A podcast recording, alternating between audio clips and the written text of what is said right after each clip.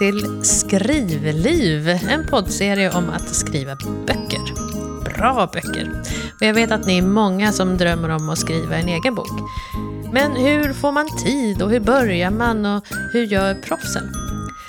Tina Fränstedt är en av Sveriges främsta kriminalreportrar med ett förflutet på flera stora tidningar och tv-produktioner.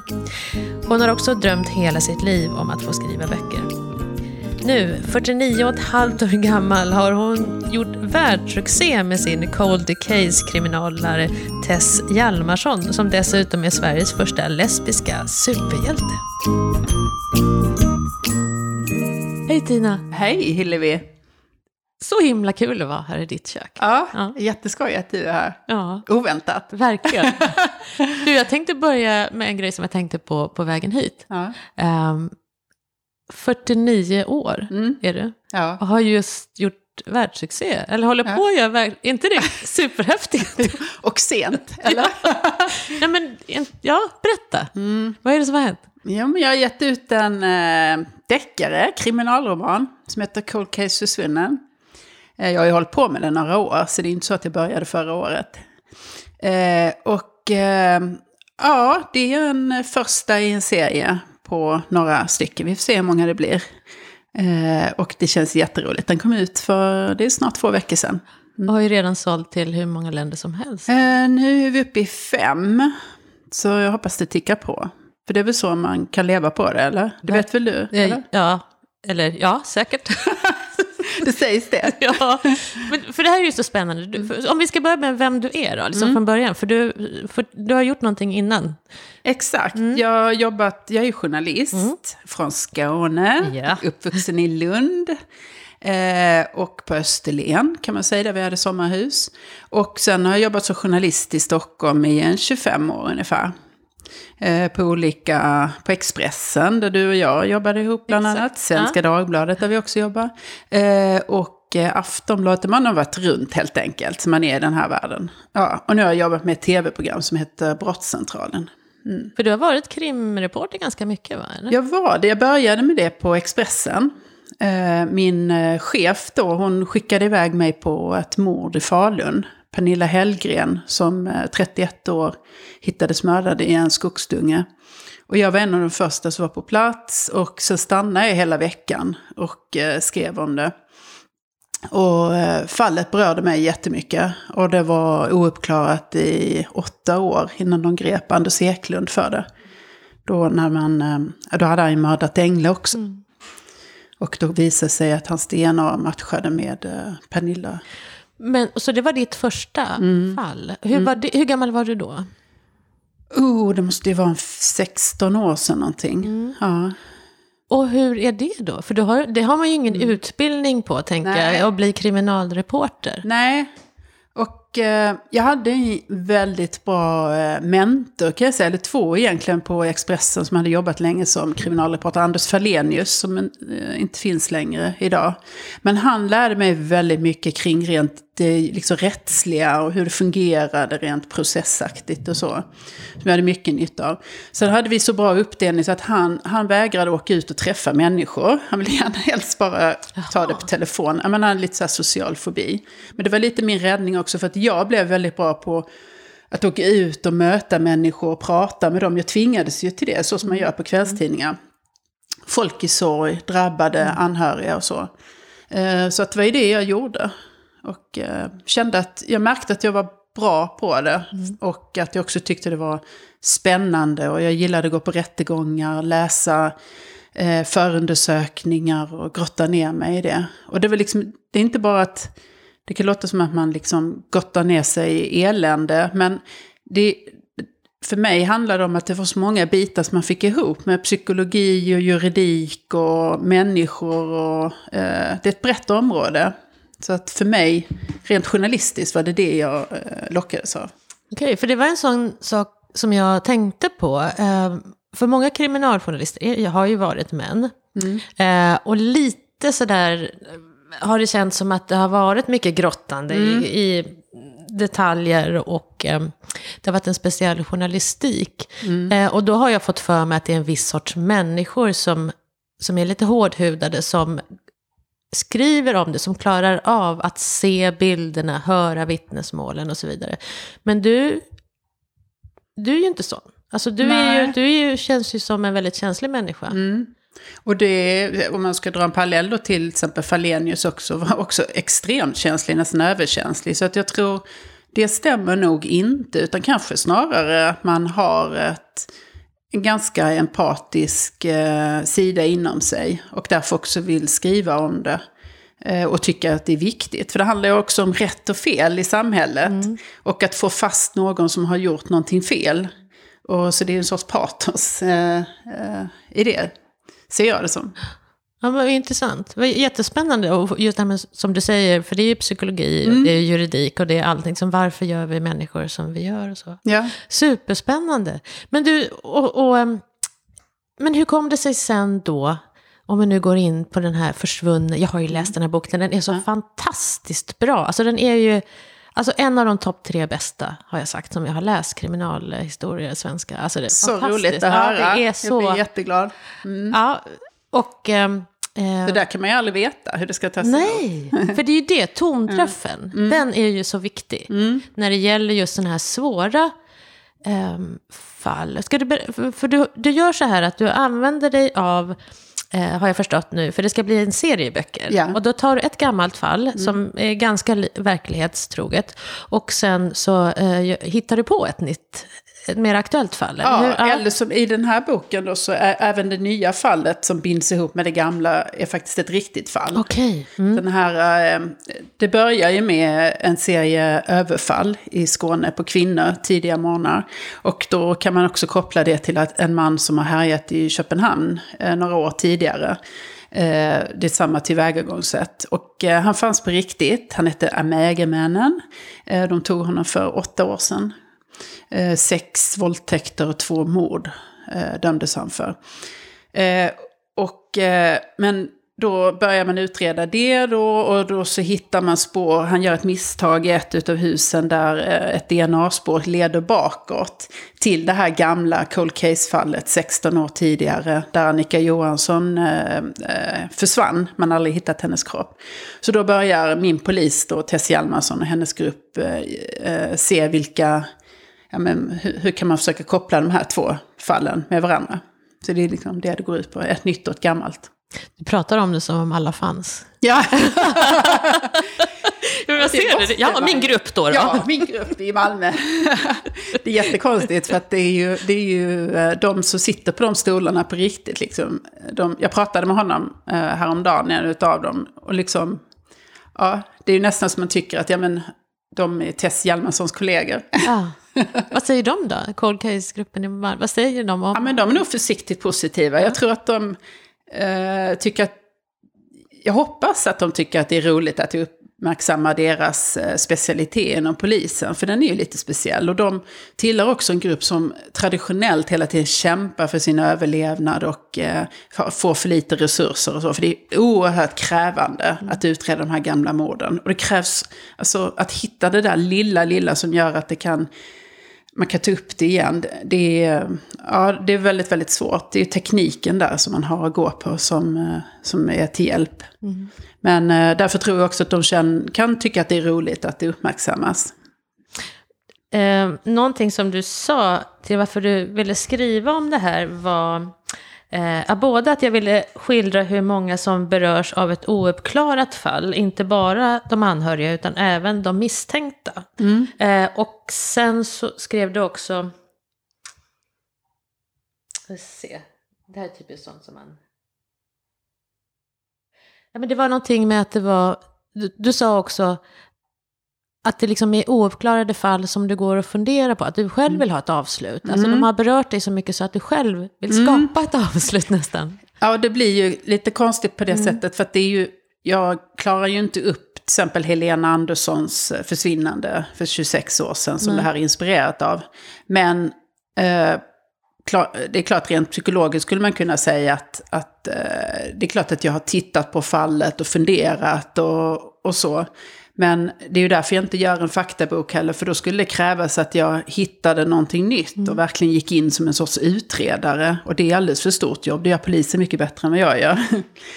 Så att, eh, eh, men eh, ja, det, jo men jag tror, på något sätt så tror jag att vi har ett behov av att få svar på frågor. Få en upplösning som gör sakta sluta cirkeln. Och det gäller det mesta i livet.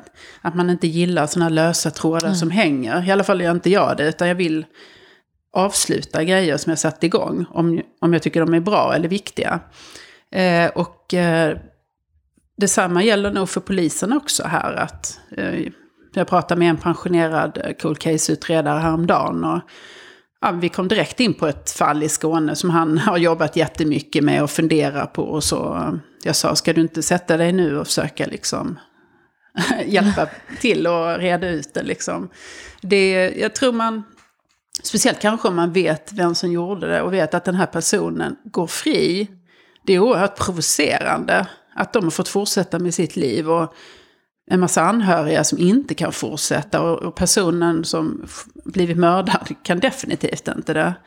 det... Och sen säger du också att det är en hel bygd där man har en massa misstänkta som går omkring, som kanske inte har gjort någonting. Mm. Men just det här med att det berör så många, ett helt samhälle. Och det blir det, speciellt tror jag i småstäder. I Stockholm är det nog lite annorlunda, och kanske även Malmö och Göteborg till viss del. Men när det är mindre städer som drabbas så, så ligger det liksom som en sorts tjock filt över. Om man pratar om, det är klart att de går vidare i sina liv också. Men sen händer det någonting och då blir alla engagerade. Och så är det någon ny som det är misstankar om, så spekulerar man i vem det kan vara.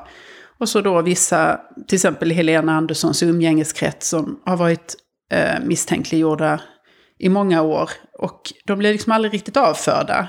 Och så dyker det upp hela tiden nya spekulationer. Det måste vara väldigt pressande att leva med det.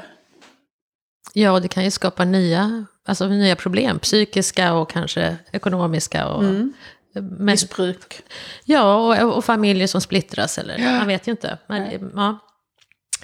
Um, ja, för du skriver författande som en form av terapi nu också. Jag vet inte, det där var en replik. alltså, Nej, det där är ju spännande när man blir intervjuad själv och, och får saker lagda i munnen. Nej, jag har inte sagt ordet terapi. Nej. Men, men eh, det är klart att det blir en sorts att man, att man får lov att gå in i det och på något sätt avsluta det lite grann genom att skriva av sig det och göra all researchen så... Um... Det blir tydligt också tänker jag, som har skrivit självbiografiskt. Alltså mönster och sånt blir väldigt tydligt när man skriver ner det. För mm. i huvudet så är det ju bara som en villevalla oftast av, av minnen och intryck. Och, men när man skriver ner det så här, då, då, då ser man, ja visst ja, nu ser jag ett mönster bara för, genom att läsa det jag skriver. Kan du mm. också upptäcka det när du skriver om kriminalberättelser? Ja. Jo, nej men det kan jag. Och sen så tycker jag också att det finns ju också någon sorts eh, något skönt i att till exempel i, i man säger Helena Anderssons eh, fall så begicks det ju mycket fel av polisen. Det tycker jag känns lite skönt att få berätta om också. Alltså det blir också någon sorts, eh, eh att det inte glöms bort. Och, eh, det var kanske inte riktigt svar på frågan, men eh, det är en sån sak som jag har tänkt på. Mm. att eh, Ja, nej, men det ska inte stickas under stol med en sån mm. grej.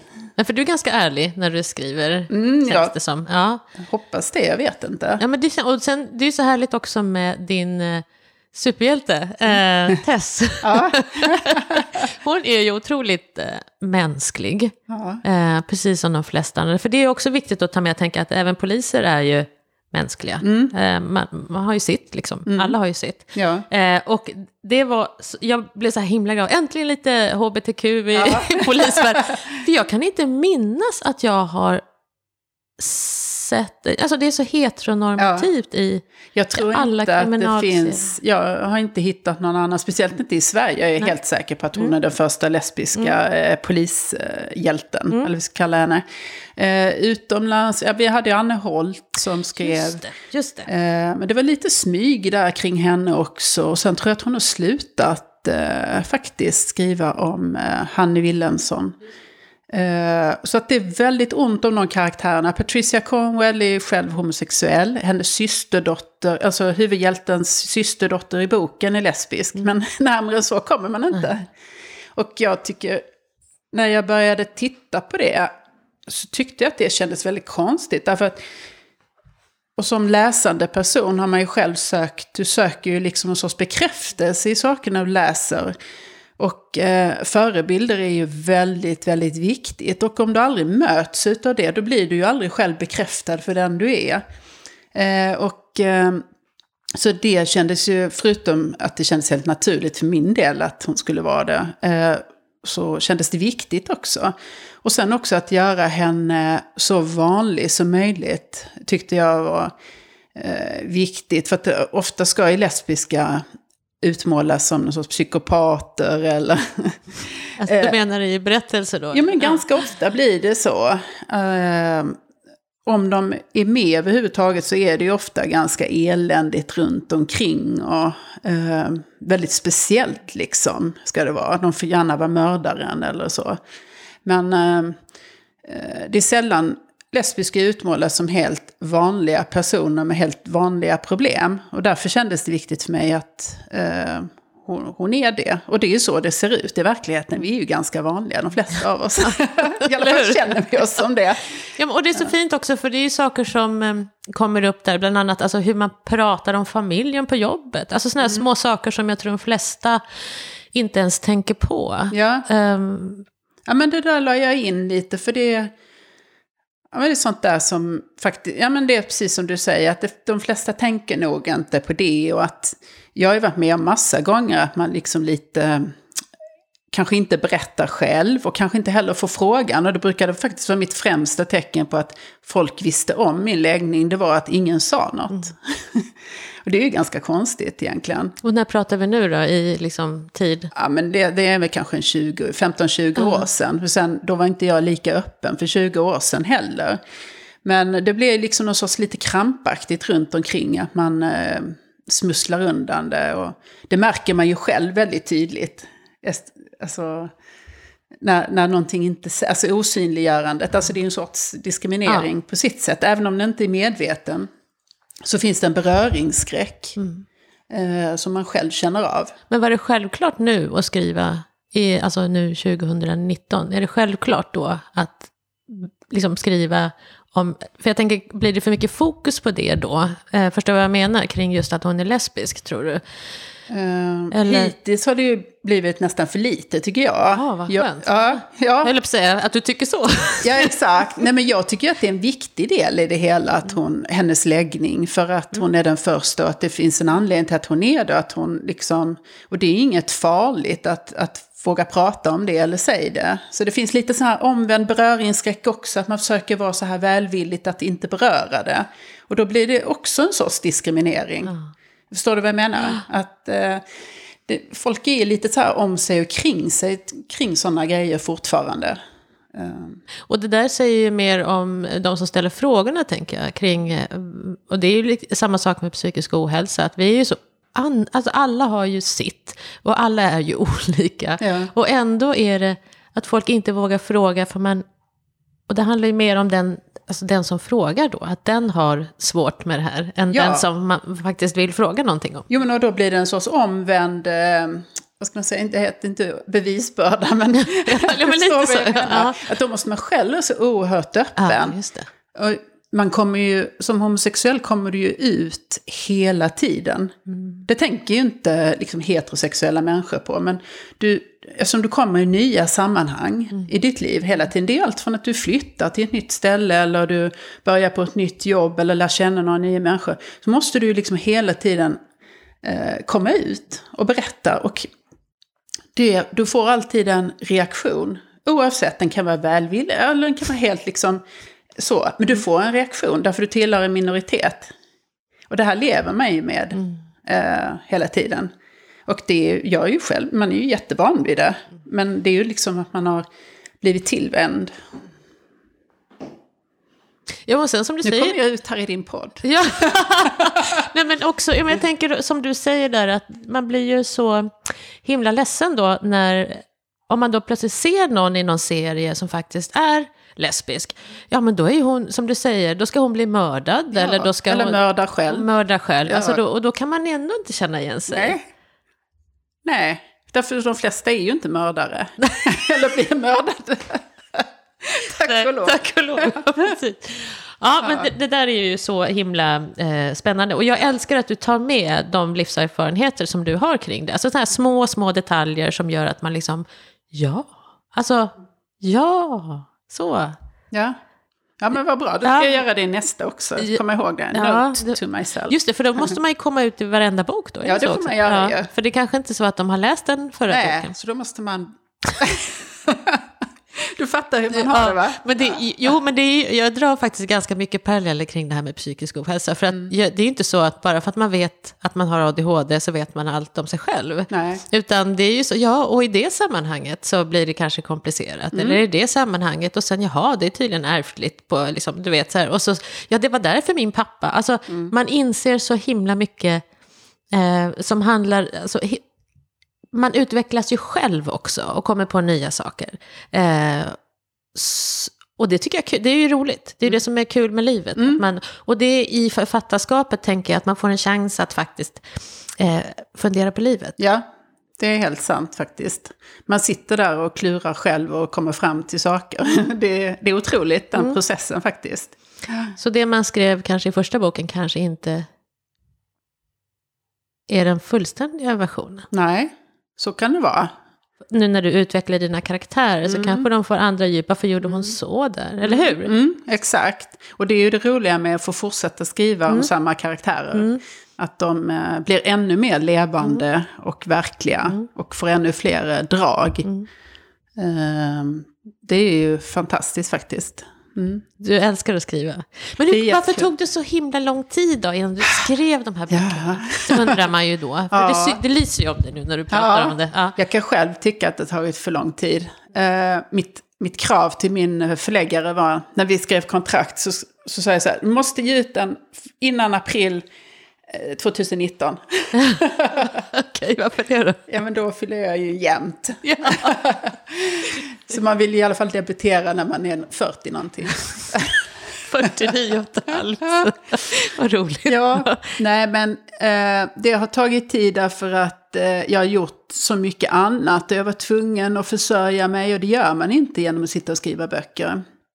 Eh, och jag har ju haft en chefskarriär och eh, kanske höll på med det längre än vad jag borde. Och eh, ibland tar det lite tid att hitta fram till det som... Och det är inte alltid att man hittar fram, precis som när jag blev kriminalreporter. Det var egentligen inte jag själv, jag blev utkastad och eh, förstod att jag var lämpad för det. Och eh, i detta fallet känns det lite samma sak, även om jag känt rätt länge att jag eh, har trivs väldigt bra med det och så. Så behöver man ju försörja sig och jag har fått barn och det händer grejer i livet. Jag har skilt mig och min pappa har dött och allt sånt gör ju att saker stoppar upp, du vet, livet. Eh, sen tror jag att om du är inne i en skrivprocess och sådana saker händer, då, då fortsätter det. Alltså, då kan du använda dig ut av det, i bästa fall om du inte är helt under isen. Men eh, det krävs liksom att man är inne i det då, annars är det nästan lättare att ha ett jobb att gå till och liksom ha det här lite mer rutinaktiga. Men nu har du bestämt dig för att du ska skriva Eh, på nu, heltid, eller? Exakt, nu under våren kommer jag göra det för att skriva eh, andra. Och sen kommer det ta mycket längre tid än vad man tror, Mm. som du vet. Eh, så att vi får se eh, hur, eh, hur länge jag kan ha den lyxen att göra det. Men, men ehm, eh, alltså, hur började det när du skrev? Alltså, var det så här, gick bara satte dig en dag? Eller hade du... Ja, men jag kände när jag, jag gav ju ut Diplomatdottern 2006. Mm. Och eh, redan då kände jag wow, vad häftigt att sitta och skriva scener. För där, i och med att jag kunde inte vara med Carolina, som det handlade om, jag kunde inte vara med henne i Thailand på fängelset. Eh, hon hade kommit hem till Sverige så att det var ju för sent. Men jag kunde åka dit och se det utifrån så här. Men jag fick också använda min fantasi väldigt mycket. Genom hennes berättelser så fick jag måla upp de här scenerna. Och då kände jag hur häftigt det var. Eh, sen var jag ju tvungen där att förhålla mig till verkligheten eftersom det var hennes liv och, och så. Eh, men redan då kände jag att det här skulle jag vilja göra mer av. Det är ju superhäftigt att få gå in i sin egen värld. Jag vet att, att eh, låta de här bygga upp människor, använda det du har liksom sett i livet och träffat en massa människor, ge dem olika drag. Och så hålla i de där trådarna och bygga scener och använda de miljöer du tycker om. Det är ju, det är ju jätte, jätteroligt.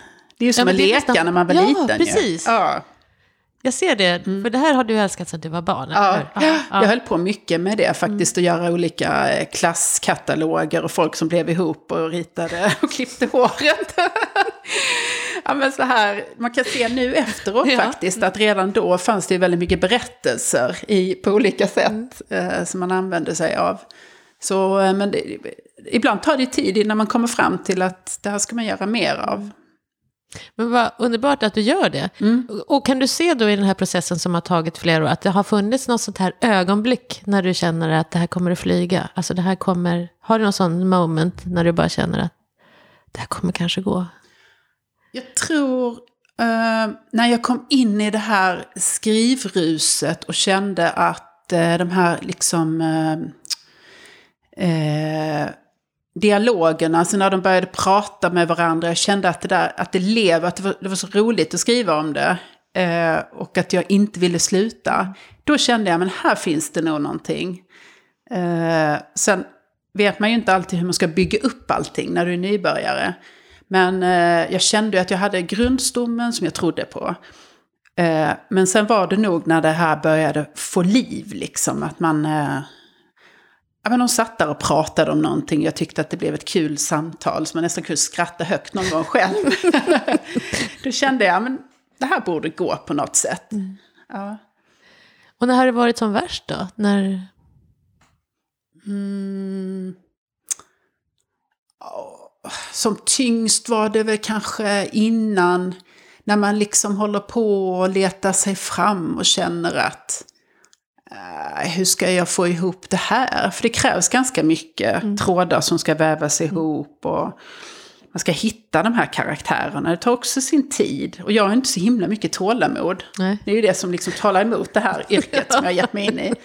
Eh, men det krävs faktiskt rätt mycket tålamod och man får ge det lite tid och det ska sätta sig och det ska eh, så.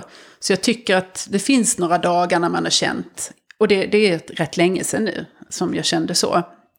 Men då var det ganska så tungt. Och sen efter, när jag hade skilt mig och så, då hade jag ingen större liksom, energi till sådana saker. Så att, ehm, ja, det var nog då. Mm. Då, då, då. då levde Tess Hjalmarsson och Maria Erling ganska farligt. Men då brukade det så här, då kunde jag ibland känna att Tess talade till mig, så här, tänkte jag hålla på att bli tokig. Eller, alltså det är lite så här att hon så här liksom nästan sa, nu, nu får du ta tag i det här. Liksom. Det var väl mitt undermedvetna som talade, men det var lite som att hon, hon ville också, hon ville vara med, hon ville bli skriven liksom. Så att eh, hon hjälpte lite till där och drev på på något sätt. Så är hon liksom en del av dig? Alltså är hon en av alla ansikten man har, tror du? En liten del, man plockar ju lite, men jag skulle inte säga just för att man vill ju inte heller bli... Jag tycker det ska vara tråkigt att skriva om mig själv, så att eh, jag ger henne väldigt mycket olika drag från mig själv också. Sen så, vissa saker blir det ju såklart. En del kan man skriva som man önskar att man hade. Exakt. Långa, snygga ben. Just det, lite mer sånt ska jag, hon få. Ja. Men ehm, har du någon sån där människa, för när man är ny då, nu är du ju så himla erfaren kring, inom journalistiken, så där är det ju inga problem. Men när man kommer in i förlagsbranschen så är det ju som en helt ny värld. Man fattar ju ingenting, känns det som. Eller hur? Mm. Ja. Visst är det så? Varför tar det så lång tid? Vad håller de på med? Mm. Och vadå 15 procent? liksom, måste jag verkligen Ja. åka på den här mässan i Ja. Tyskland? Eller, eh, och varför är de så kritiska? Liksom? Varför måste jag skriva om det här? Och, Ja, Det är skillnad från kvällstidningsvärlden också som jag är så van vid. Där det liksom går i ett och där man liksom kom, kommunicerar på ett visst sätt. Så det kommer bli en hel serie nu? Mm. Det var roligt! Det är så kul. Jag vill inte få aldrig släppa henne. För det är ju också så sen när man plötsligt inte har den där människan längre. Nej, Nej, eh, som man kanske har tittat på eller läst böcker om och så. så det, ja, det är ju kan- bästa känslan. Om jag har lyckats eh, förmedla den Ja, till dig så känner jag mig jättenöjd. Men hur får du tid att skriva? Nu har du tagit ledigt. Mm. eh, Men tidigare, för det är ju sånt som, det är många som drömmer om att skriva, men man hittar inte tiden. Nej, hur, om man jobbar heltid eh, och har barn så är det ju nästan omöjligt.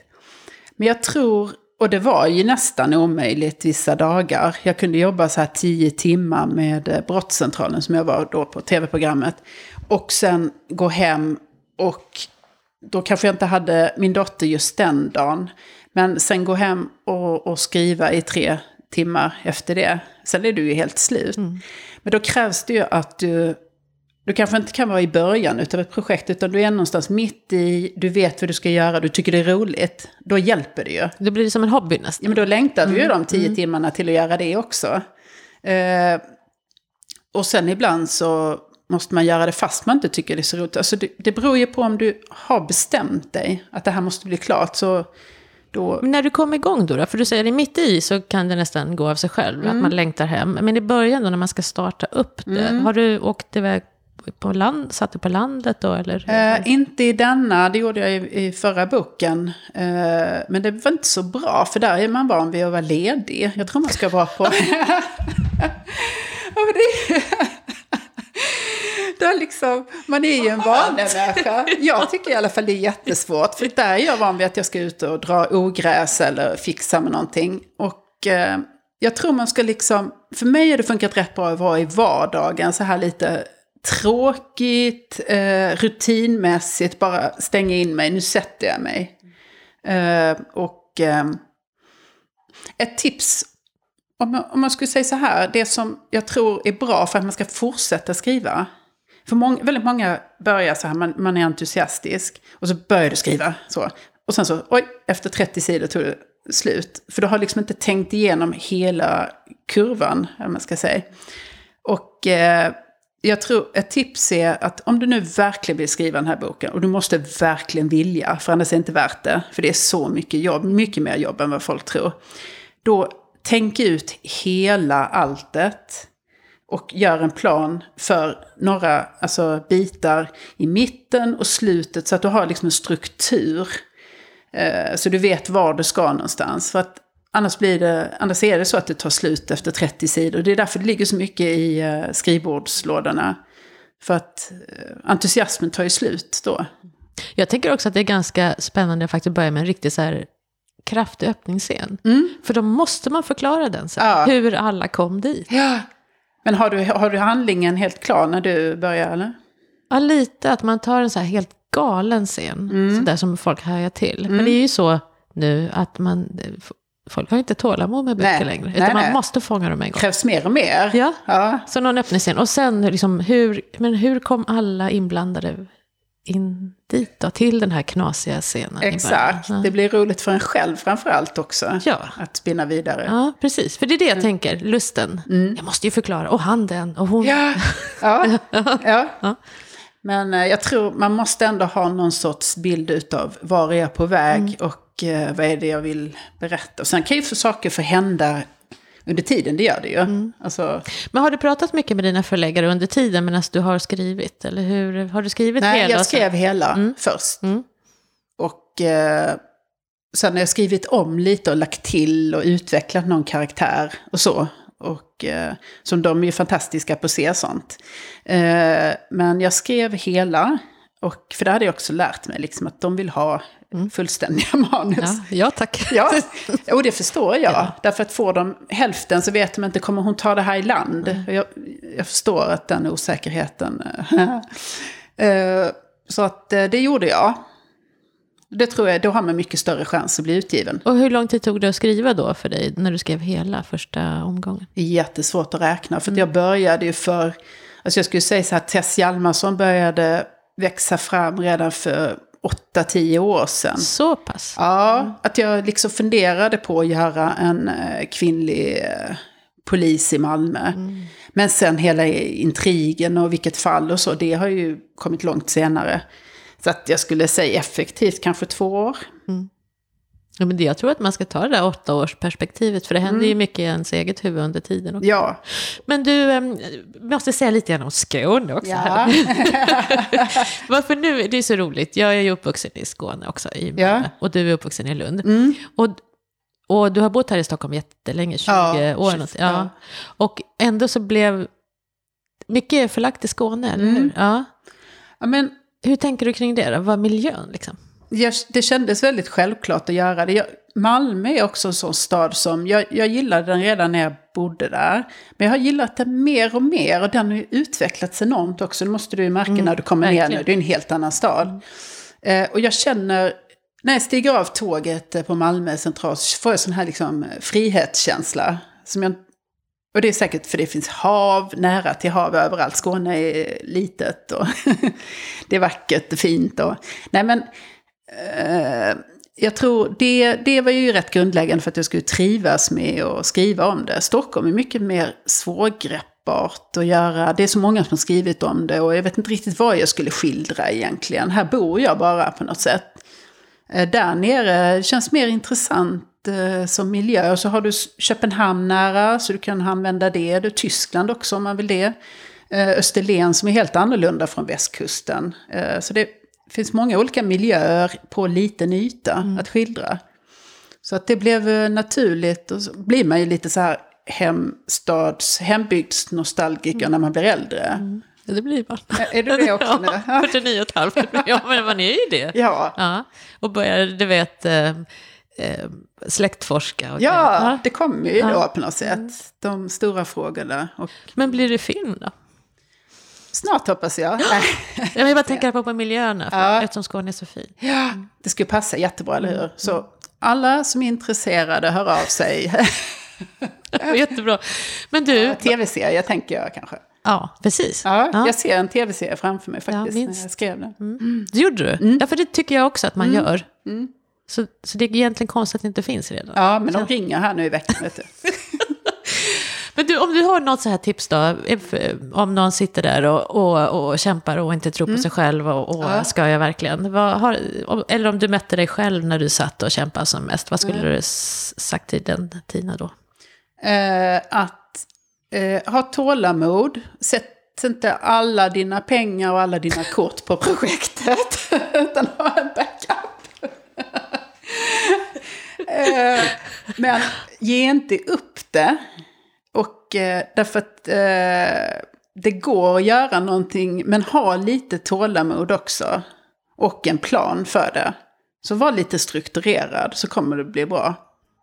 Och försök att göra något som inte alla andra gör. Mm.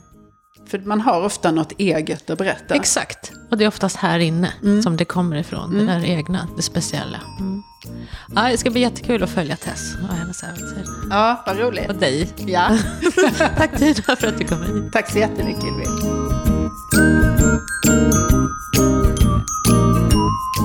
Tack Tina Fränstedt. Jag kan verkligen rekommendera er att läsa Försvunnen, den första delen av Cold Case-serien. En av de topp tre bästa kriminalromaner som jag någonsin har läst faktiskt. Så jag längtar efter fortsättningen. Och om ni gillar det här avsnittet så blir jag jätteglad om ni delar vidare. Och vill ni komma i kontakt med mig så finns jag alltid på hillevi.hillevi.nu. Tack för att ni lyssnade.